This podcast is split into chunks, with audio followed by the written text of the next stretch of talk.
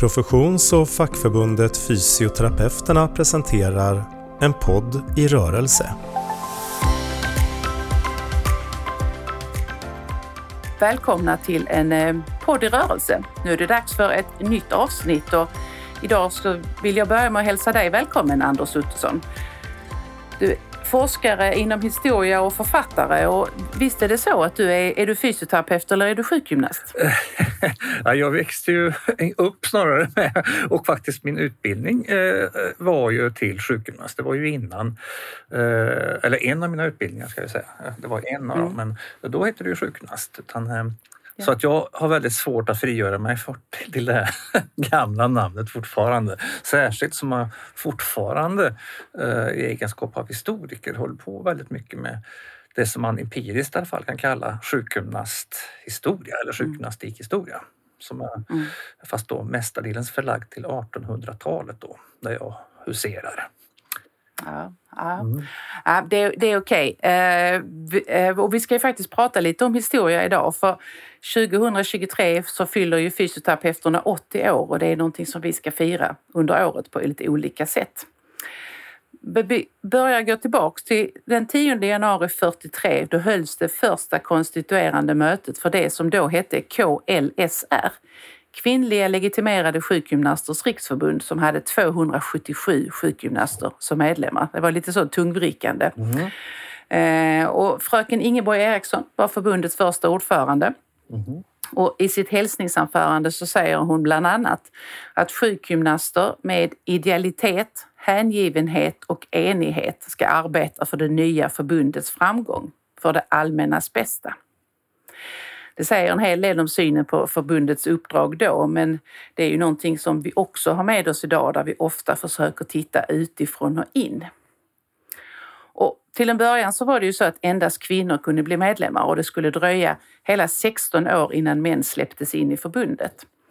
Och I samband med den förändringen så bytte förbundet också namn till Legitimerade sjukgymnasters riksförbund, vilket vi ju hette fram till 2014 då vi blev fysioterapeuterna.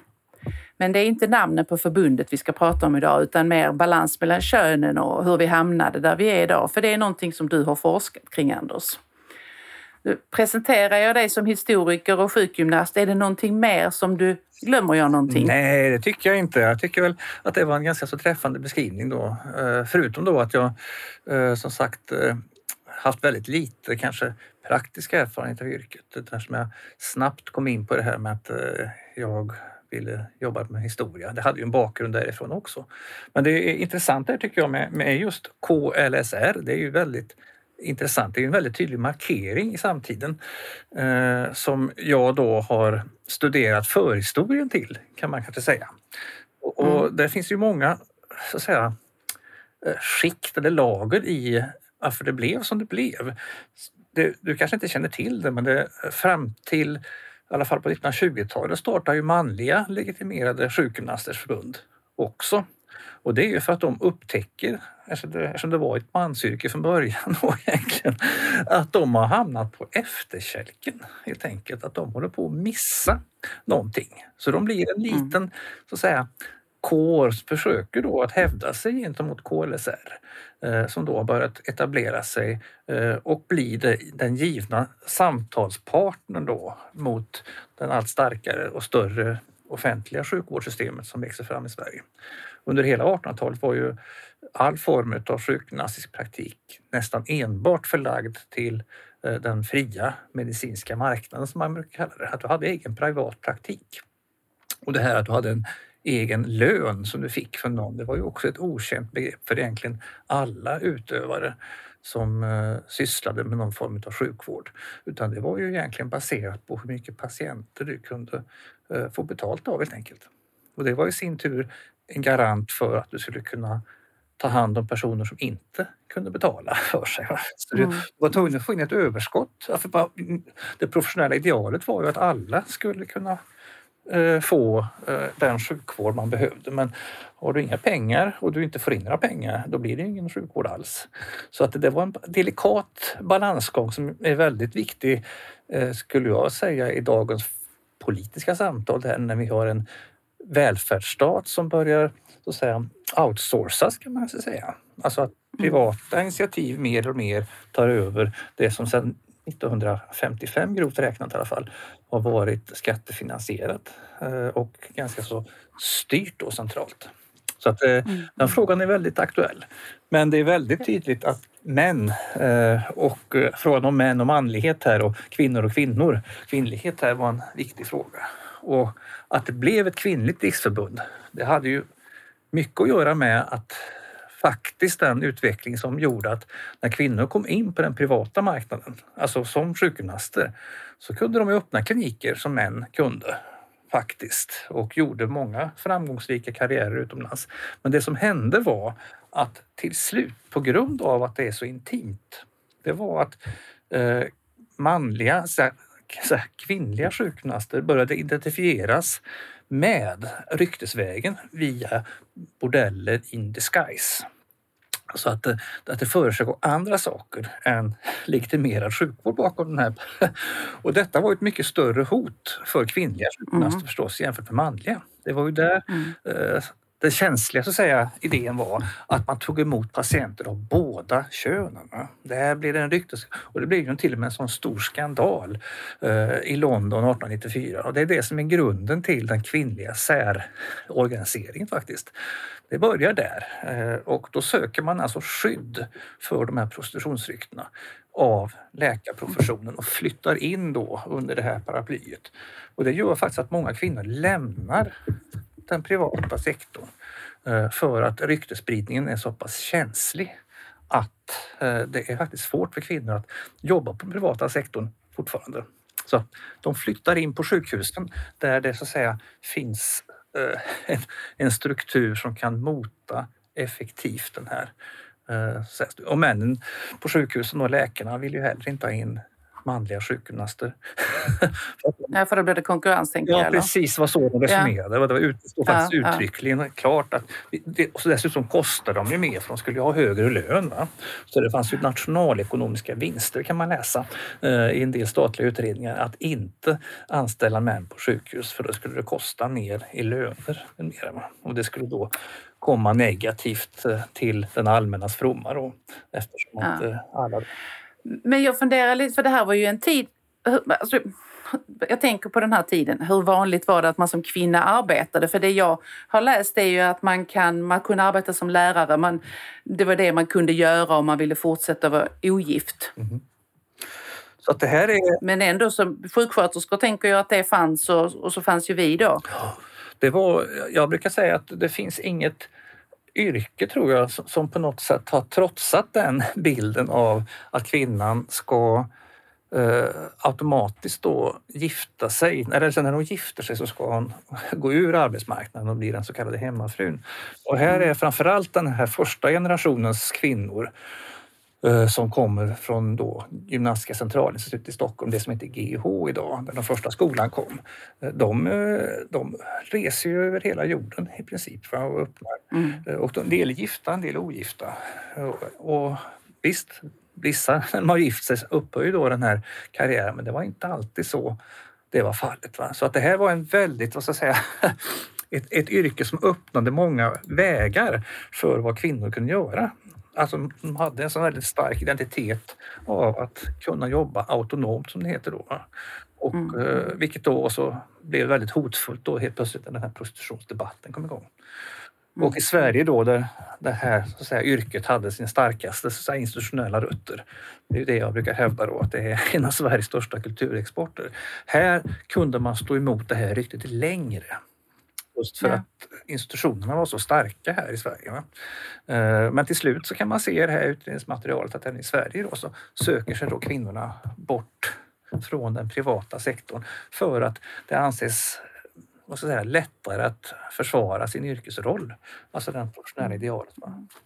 Så att det, är, det, det är ett mycket delikat men samtidigt också väldigt spännande illustration för de sociologiska mekanismer som faktiskt verkar på arbetsmarknaden och utbildningsväsendet. Eh, det här med att kön spelar en viss roll och det skiftar över tid så att säga på ett väldigt intressant sätt och då tror jag sjukgymnasterna är kanske ett av de mest intressanta exemplen just för att den förenar så mycket eh, vad ska man kalla det, eh, många boxar, vad ska man kalla för vad en profession är. Men också där kvinnor faktiskt har fått vara möjligt att delta på ett väldigt tidigt stadium. Det är en av de första yrkena där kvinnor kommer in eh, på bred front. Så det är inte bara lärarna. Nej, jag vet, men det brukar vara lärarna som man läser om. Till skillnad ja. från lärarna då så skulle jag vilja säga att de, de här kvinnliga sjukgymnasterna hade än större möjligheter att verka som individuella yrkesutövare. Eh, fristående då. Just i kraft att de hade en legitimation, vilket var helt världsunikt. Eh, och långt fram i tiden faktiskt. På ett eget kunskapsfält. Så att eh, det är ingen slump att Signe Brunström exempelvis har en egen eh, så att säga, hedersbetygelse medalj i, i amerikanska eh, sjukgymnastförbundet. Hon, var ju, hon kom in där med ett jättegott rykte från den här skolan då, som gav legitimation med mera. Alltså hon hade jättestora mm. möjligheter förutom sina egna personliga kvaliteter förstås. Hon var väl en enastående mm. sjukgymnast får man får tro. Men hon är ju en sån här person som man blir nästan, oj herregud, varför har vi inte skrivit mer om henne? Och en av de här kvinnorna som har en större eh, wikilänk eh, på engelska än på svenska exempelvis. Jag tänker att det finns nog en hel del kvinnor som vi borde ha skrivit mer om, ja. eh, oavsett om de är sjukgymnaster Absolut. eller inte. Absolut, va? och vi hade ju en hel del sådana nu uh, i det här svenska svenskbiografiska lexonet, eller kvinnliga svenskbiografiska lexonet kom nu. Där kända kvinnor då, uh, som har blivit bortglömda har fått uh, komma fram i ljuset. Och det här är en kollega till mig som har bedrivit, som heter Maria Sjöberg bland annat, med ett helt gäng då som har väckt liv i detta rekommenderas. Den ligger online. Så att ett biografiskt lexikon för svenska kvinnor som då har uträttat massa saker. Och där finns det en del sjukgymnaster men det hade gärna behövts fler tror jag för att det var många som gjorde ganska så enastående saker eh, mm. som man inte kanske i första hand tänker på. Men du, vi fortsätter att fördjupa oss lite grann i din, i din avhandling. Jag vet att du har gjort ganska mycket sedan dess och det är ju, en, det är ju ett tag sedan du skrev din avhandling. Mm. Eh, men just det här med avmaskuliniseringen. Eh, ja. Nu pratar vi ju nästan om eh, maskuliniseringen, förutom på sjukhusen då där de inte fick komma till. Men vad, vad, liksom, vad hände och hur gick alltså, ja, jag Vad är dina huvudresultat? Ja, det, det, som var så fascinerande, det som gjorde att jag egentligen blev historiker, det var ju att jag upptäckte att den här, den här statliga utredningen från 1929 där i det här fallet ortopeder rekommenderade staten att män inte skulle få bli sjukgymnaster på GHs utbildning då, som då var den givna eh, platsen för sjukgymnaster.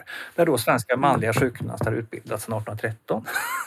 de skulle få sluta med det här. Och detta rimmade ju väldigt eh, lite med den Eh, förkunskap jag hade. Jag hade ju läst historia då och då får man ju alltid höra att det är kvinnor som motarbetas eh, och pressas ut ur yrken för att deras arbete värderas lägre och de eh, är rädda för att de ska urholka löneanspråken mer. Att det finns sådana här mekanismer.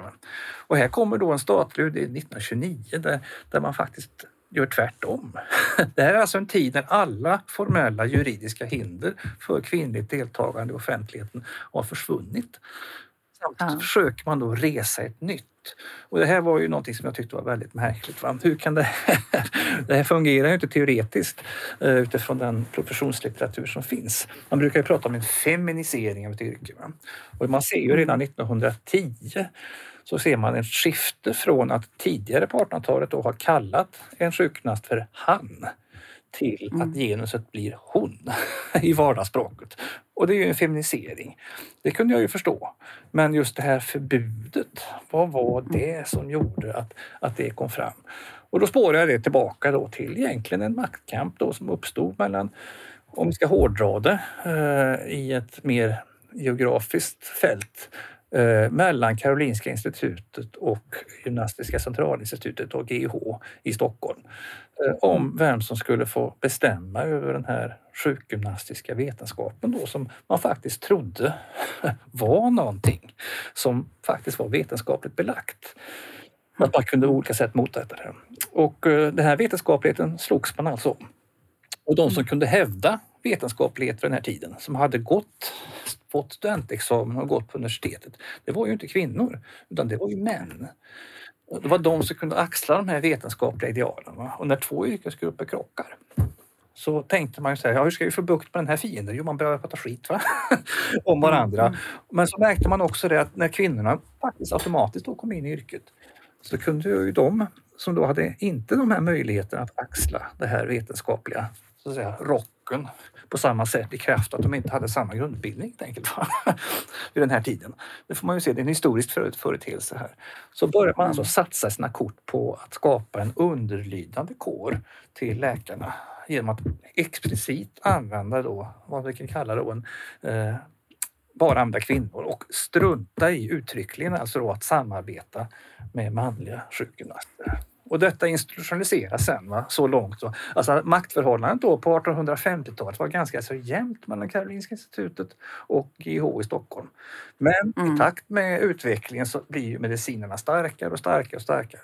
Och när vi går kommer fram till 1920-30-talet här i Sverige så är ju storleksskillnaden eller kraftskillnaden väldigt avgörande eh, till medicinernas fördel. Och då, eh, eller framförallt ortopederna då.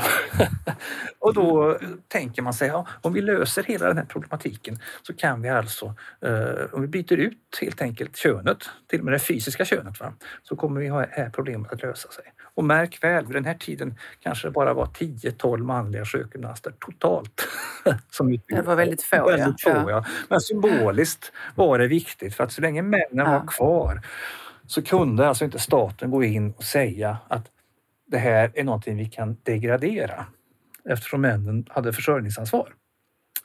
Ja, så det blir den matematiken. Så man var tvungen att övertyga staten eller beslutande organ om att män inte behövde sjukgymnastik för att försörja sig. och då kunde man börja också logiskt tänka de här banorna. För den här tiden hörde gymnastikläraryrket och sjukgymnastyrket ihop, så de satt mm, ihop. Ja, en enda stor mm. klump som inte gick mm. att separera. Nej. Utan man ville då skjuta in och så ville man uttryckligen då att männen skulle få sina professionella behov i gymnastiksalen. Och därför så höjde man statusen på den yrkeskompetensen samtidigt som man då ville att män inte skulle gå över och fuska som sjukgymnaster. så sänkte man kraven på sjukgymnastutbildningen 1934. Mm. Så att då fick sjukgymnasterna börja om. Den är ja, ja, en ny professionaliseringsprocess. Det är som du kan kalla maskulinisering här. så det har gått i vågor kan man säga. Va? Så idag är vi tillbaka, skulle jag vilja säga, sjukgymnastyrket med många professorer och stor, det är ju överlägset flest eh, bland vårdyrkena här som vi pratar då, förutom exkludera läkarna, gäller antalet ja, disputerade. Och, eh, med andelarna. Ja, ja visst. Så det har ju ja. verkligen varit ett enastående projekt. Och tanken var ju att jag skulle skriva den historien också när jag, när jag började. Men för att hinna mm. klart så var jag tvungen att klippa eh, vid när männen försvann. Sen tänkte jag att, ja, och jag har fortfarande velat ha den Eh, så att säga, idén. Men jag har aldrig lyckats få varken ro eller tid eller finansiering för en sån projekt. Men det finns jätteintressant. Hur kunde sen sjukgymnasterna börja om på ny kula och dra igång en ny professionaliseringsprocess som faktiskt har varit extremt framgångsrik i alla mått mätt. Mm. Så att... Eh... För, för, för man, eh, jag är inte alls lika kunnig på området som du, men jag tycker, tycker att historien är väldigt viktig för vår nutid och för vår framtid. Att vi behöver vara rotade i någonting för att vi ska kunna förstå den tiden som vi befinner oss i nu. Eh, och då funderar jag på om du liksom, det här som vi pratar om med maktbalans och hierarki och, och de här mellan kön och så, hur tänker du kan man säga att det har någon påverkan på hur vi har det idag? Jag blev väldigt glad när du säger att vi påbörjade en ny professionalisering och att vi är starka i det. Eh, det känns, eh, det känns bra att höra. Ja.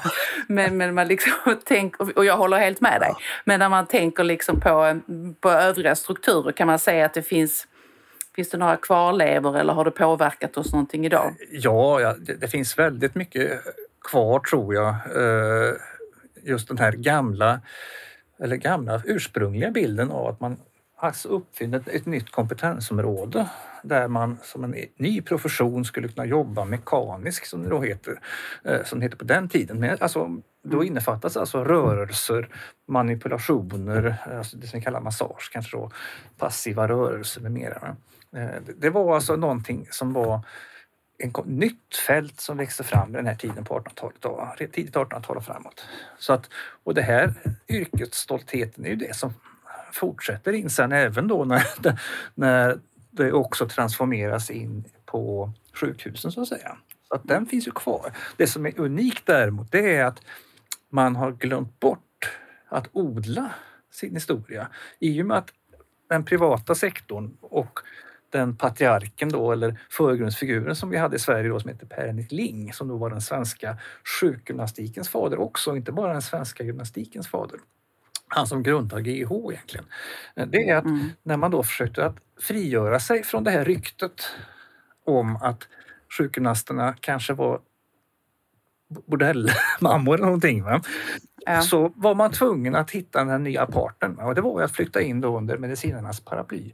Men de ville inte mm. kännas vid en annan patriark, alltså Ling. Nej. Och då för att ni skulle kunna få acceptans va, på sjukhusen så glömde ni bort Ling. För att det var något mm. som associerades med en gammal historia som i sin tur också hade använts bland annat i den här massageskandalen som hade hänt när man hade liknat eh, många av de här eh, massageklinikerna då vid bordeller. Sant eller osant? Mm. Det är egentligen helt ointressant det, att det var en skandal, uppblåst till och med av British Medical Journal, eh, där här man liknade Londons och det brittiska imperiet vid romarrikets fall här, var Sodom och Gomorra, eh, Babylon och allt detta. Va? För det här hade skett. Va? Och då måste man ju då rensa ut och, och vad ska man kalla det? Återinföra statusen. Och då gällde det att ha något som associerades som var fritt från associationer. Och då kunde man ju inte hålla på med att säga att man var massös till exempel. Va? Det gick ju inte. Utan då bytte man eh, och glömde bort detta och knöt sig då till den medicinska historieskrivningen där det ibland, väldigt påfallande ofta, inte minst utomlands, där det framstår som att sjukgymnasternas kunskap kommer från läkare. Mm. Vilket snarare är tvärtom om man tittar på 1800-talet. För att eh, mm. man ser väldigt många Sverige var ju som ett litet mecka för, för läkare som ville lära sig den här eh, nya mm. konsten. Va? Eh, läkare och lekmän från hela världen eh, åkte ut till Stockholm till GIH för att lära sig det här och sen spreds det som ringar på vattnet eh, över hela jordklotet. Men sen runt 1900 här då när vi ser att styrkeförhållandena har blivit större och att läkarkåren har mycket större tolkningsföreträde så blir alltså eh, det gamla arvet, främst för kvinnorna då, något som man inte vill associeras med. Och det gör också att vi får nya yrkesgrupper. Vi får osteopater, kiropraktorer som jag varit inne på när vi har pratat tidigare. Men överhuvudtaget hela den här floran av olika yrkesgrupper som gör ganska så, som i alla fall från en utomstående, gör saker som är ganska så likartat. Uppstår för att eh, rötterna till då den här gemensamma, eh, som jag kallar diskursen i mekanisk medicin som var så väldigt stark på 1800-talet. Som inkluderade både läkare, lekmän och sjukgymnaster. Eh, och gymnastiklärare inte minst. Eh, den splittrades upp i specialiseringar. En för den friska kroppen och en för den sjuka. Och den då som disciplin som fastnade inom ortodoxa eller skolmedicin som vi säger, det var sjukgymnasterna. Medan den privata mm. sektorn, där hade man då allsköns då olika nya grupper och då är de mest kända är ju då osteopater och kiropraktorer och mera. Mm. Kanske i alla fall i dagens sammanhang. Naprapater är ett annat roligt exempel som också kommer från USA men, mm. som från, eh, men som i princip inte finns i USA. Men de är exempelvis då väldigt framträdande i, i flera europeiska länder. Så det är mycket intressant dynamik där, där man då eh, skapar förutsättningar och professionaliseringsprocesser i andra länder. Så att, eh, mm.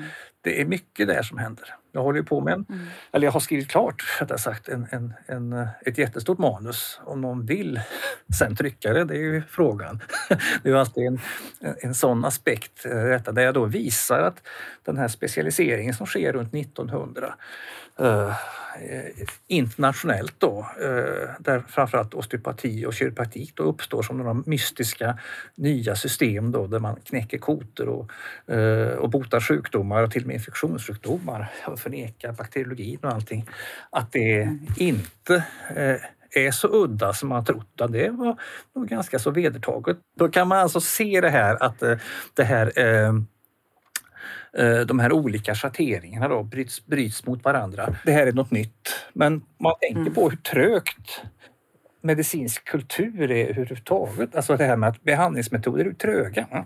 Det vi tror hjälper släpper vi inte eh, ens när vi har vetenskapliga besked på att det kanske inte hjälper. Här brukar man oftast lyfta fram det här att man tömde blod på patienter långt efter att man faktiskt visste att det kanske inte var så effektivt att tömma blod ur patienter mot allsköns åkommor. Och samma sak gäller ju det här tron på vad man kan göra med mekaniska behandlingar. Vi, trodde, vi hittade alltså rekommendationer på att bota kolera, inte minst i tyska böcker, med just mm. Lings sjukgymnastik, då, den svenska mm. sjukgymnastiken. Men det, Men det, där är ju, det där är ju så fascinerande för det är ju ett problem som, det är verkligen någonting som finns fortfarande idag. Där, det liksom, där forskning visar att ja, men den här metoden, oavsett vilket område det är, är inte lika effektiv som den här. Och svårigheten att liksom utrangera någonting som vi vet att det här borde vi inte göra eller det här har inte samma effekt och det blir liksom ja, det blir en tårta som bara blir större och större och vi fortsätter att göra saker för att det finns en, jag vet inte, en osäkerhet kanske. Eh, och sen tänker jag också att det går tillbaks till en del, du har pratat om makt, vi har pratat om ja, hierarkier, just. att det finns, finns många liksom eh, anledningar. Det finns ju inte en anledning. Nej, det är det absolut inte. Men jag brukar säga det att, att medicinhistoria är väldigt cirkulär. Va? Och så länge vi har en kropp som inte har full så att säga, förmåga att bota och det finns resurser att på något sätt eh, allokera i, i, kampen mot det här som är ont va? och det inte går att bota någonting, då har vi alltid ett fönster ut mot så här, då, olika så säga, terapeutiska metoder. Mm. Det finns ett mm. fält va, där det, som går, på gott och ont förstås, eh, exploatera. Va? Eh, där då konventionell, traditionell, vad vi nu väljer att kalla det, inte då når fram. Så det, det är ett evigt och det gör då att mycket kommer tillbaka fast i nya så att säga, förpackningar. Mm. Där vi då tycker att ja, nu kommer det något nytt. Va? Eh, mm. Men i själva verket tittar man bakåt i tiden så brukar det inte dröja länge för man hittar mm. likartade tankegångar. Men med en annan då sales pitch kanske eller en annan mm. förpackning. Mm. Inte sällan också med en ny uppfinnare. Uh, och, och, det var något som kännetecknade svensk sjukgymnastik väldigt mycket och som gjorde att den kunde få en sån extrem spridning över världen. Det var ju, att, det var ju den enda vet, så säga, behandlingsmetod på det här området som var sanktionerat av en hel land, alltså staten, som en vetenskap. Mm. Det var inget mm. annat land som hade någon motsvarighet. Vilket också gjorde då att de här sjukgymnasterna som reste utomlands kunde alltså skryta med att de hade en statsunderstödd vetenskap ny dessutom.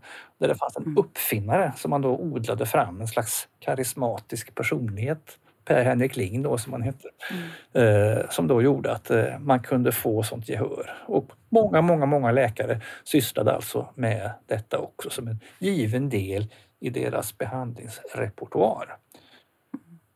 Men som sagt, det här är, kan man prata om i evigheter.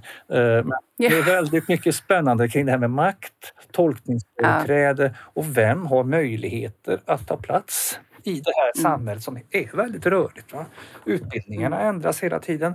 Vi har också en arbetsmarknad som ändras hela tiden. Vi har ett klientel som förväntar sig eh, saker och ting som också ställer krav på de här dynamiska, inte sällan också konfliktfyllda processerna som då sker mellan olika intressen som då vill etablera sig och också erbjuda förstås det man uppfattar som en vederhäftig och god behandling mot diverse mm. problem. Mm.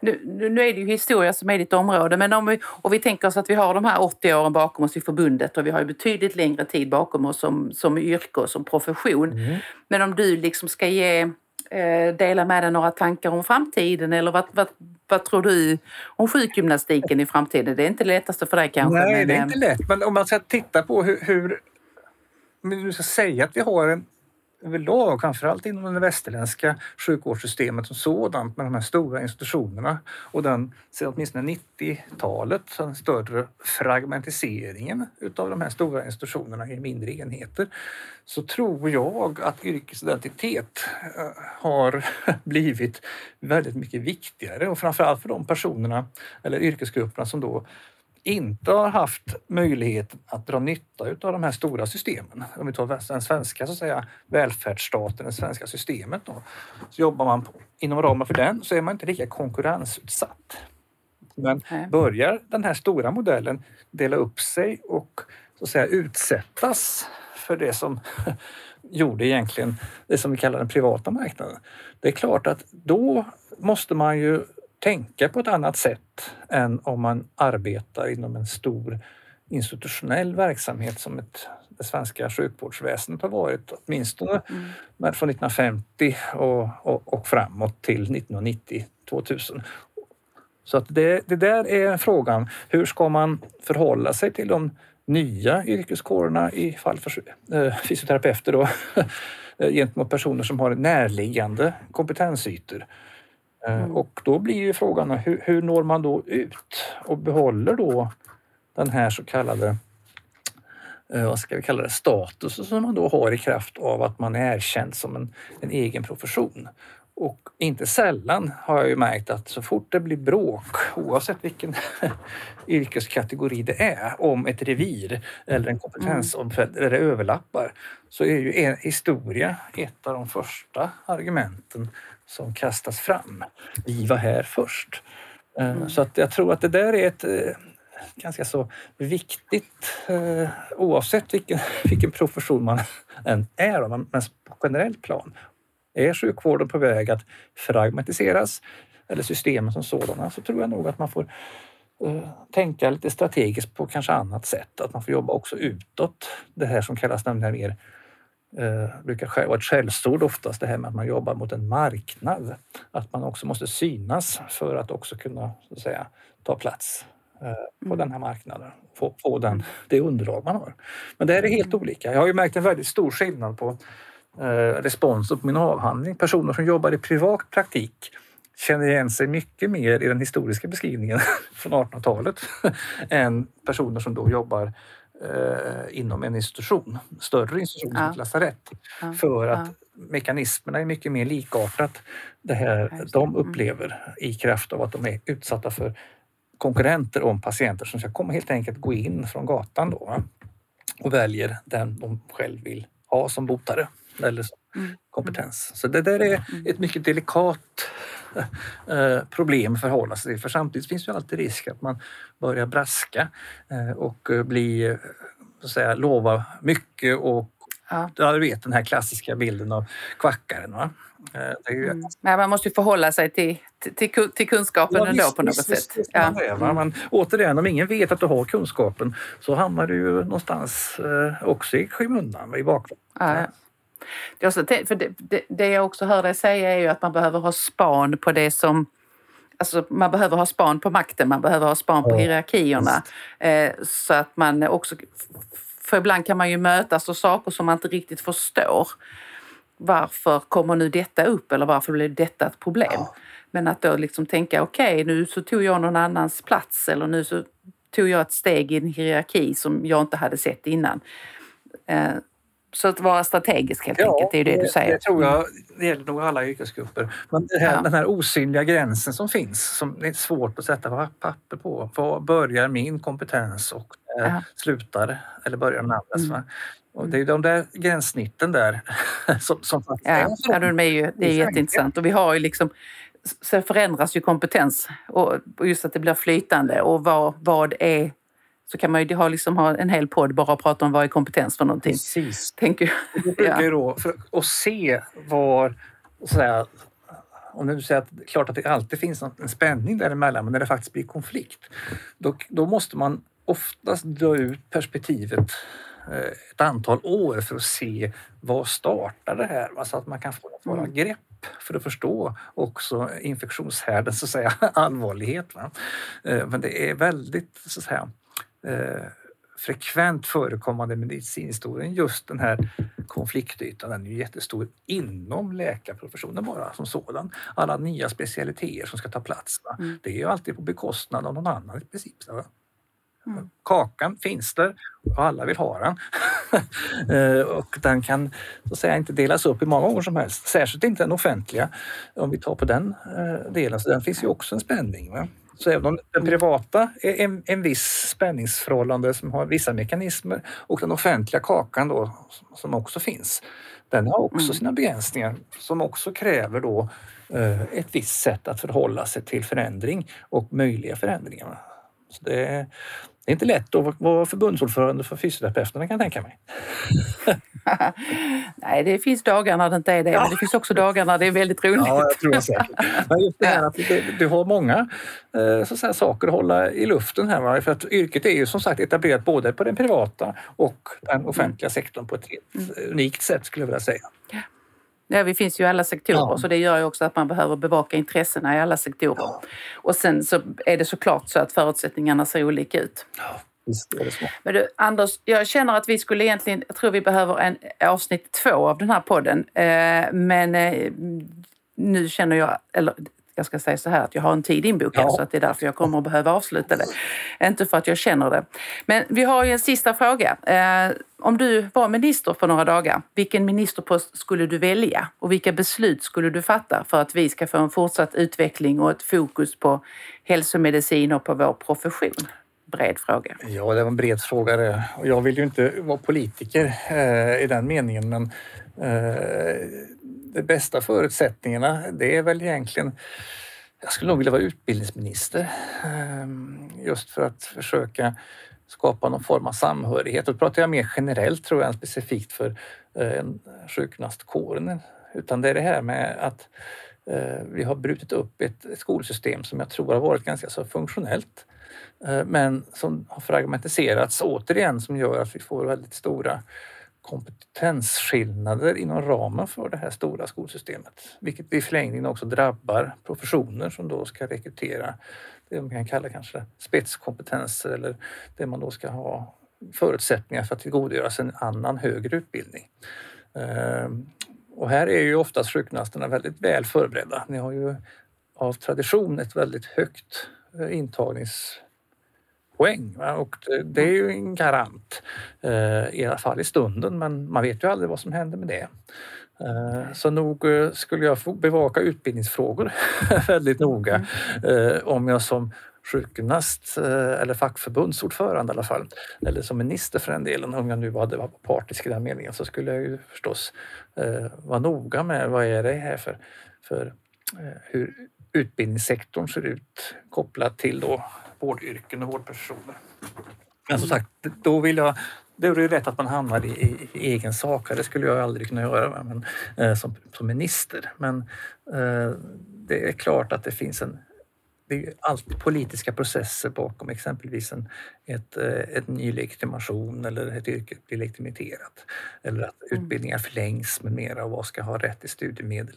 Alla de här det är politiska processer inblandat förstås.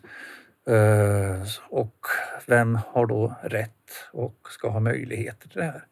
Jag kan ju inte sitta på eh, och kräva yrkesmonopol för, för det ena eller det andra yrket i någon mening. Men eh, samtidigt så finns det ju också kvalitetsmått som styr vilka som ska ha de här positionerna som då faktiskt är frågan om där vi har legitimationer som ytterst sätter ramarna för verksamheten och vad man får och inte får göra. Mm. Det är både gott och ont i, i sådana saker. Ja, utbildningsfrågan är viktig för oss och vi har ju också som ett, en av våra kongressuppdrag att vi ska driva en förlängning av grundutbildningen. Ehm, så det är ju någonting som ligger i vårt påverkansarbete och sedan så är det precis som du säger att vi har fortfarande höga antagningspoäng och ett högt söktryck. Ja. Vilket vi är, är, är glada för och där vi ser att det finns en möjlighet att eh, vi kanske skulle kunna bli fler som utbildar sig till fysioterapeut. Ja, det tror jag. Mm. Det finns ju alltid den här faran som brukar heta att eh, var går gränsen mellan den teoretiska kunskapen och den praktiska utövandet? Det är också en sån här delikat fråga. Eh, hur teoretisk får en utbildning bli i relation till eh, den praktiska så att säga, Eh, mm. tillämpning och så vidare. Det är jättesvåra frågor. ja, det är, det verkligen. så, så, jag tänker att vi lämnar med den cliffhangern. Ja, eh, Var går gränsen mellan te teoretisk och praktisk kunskap? Eh, tack så mycket Anders ja, för ett jättespännande samtal. Mm. Detsamma. Jag hoppas att vi återkommer kanske vid tillfälle. Ha det gott! Mm. Hej! Mm. Hej! En podd i rörelse presenterades av Fysioterapeuterna.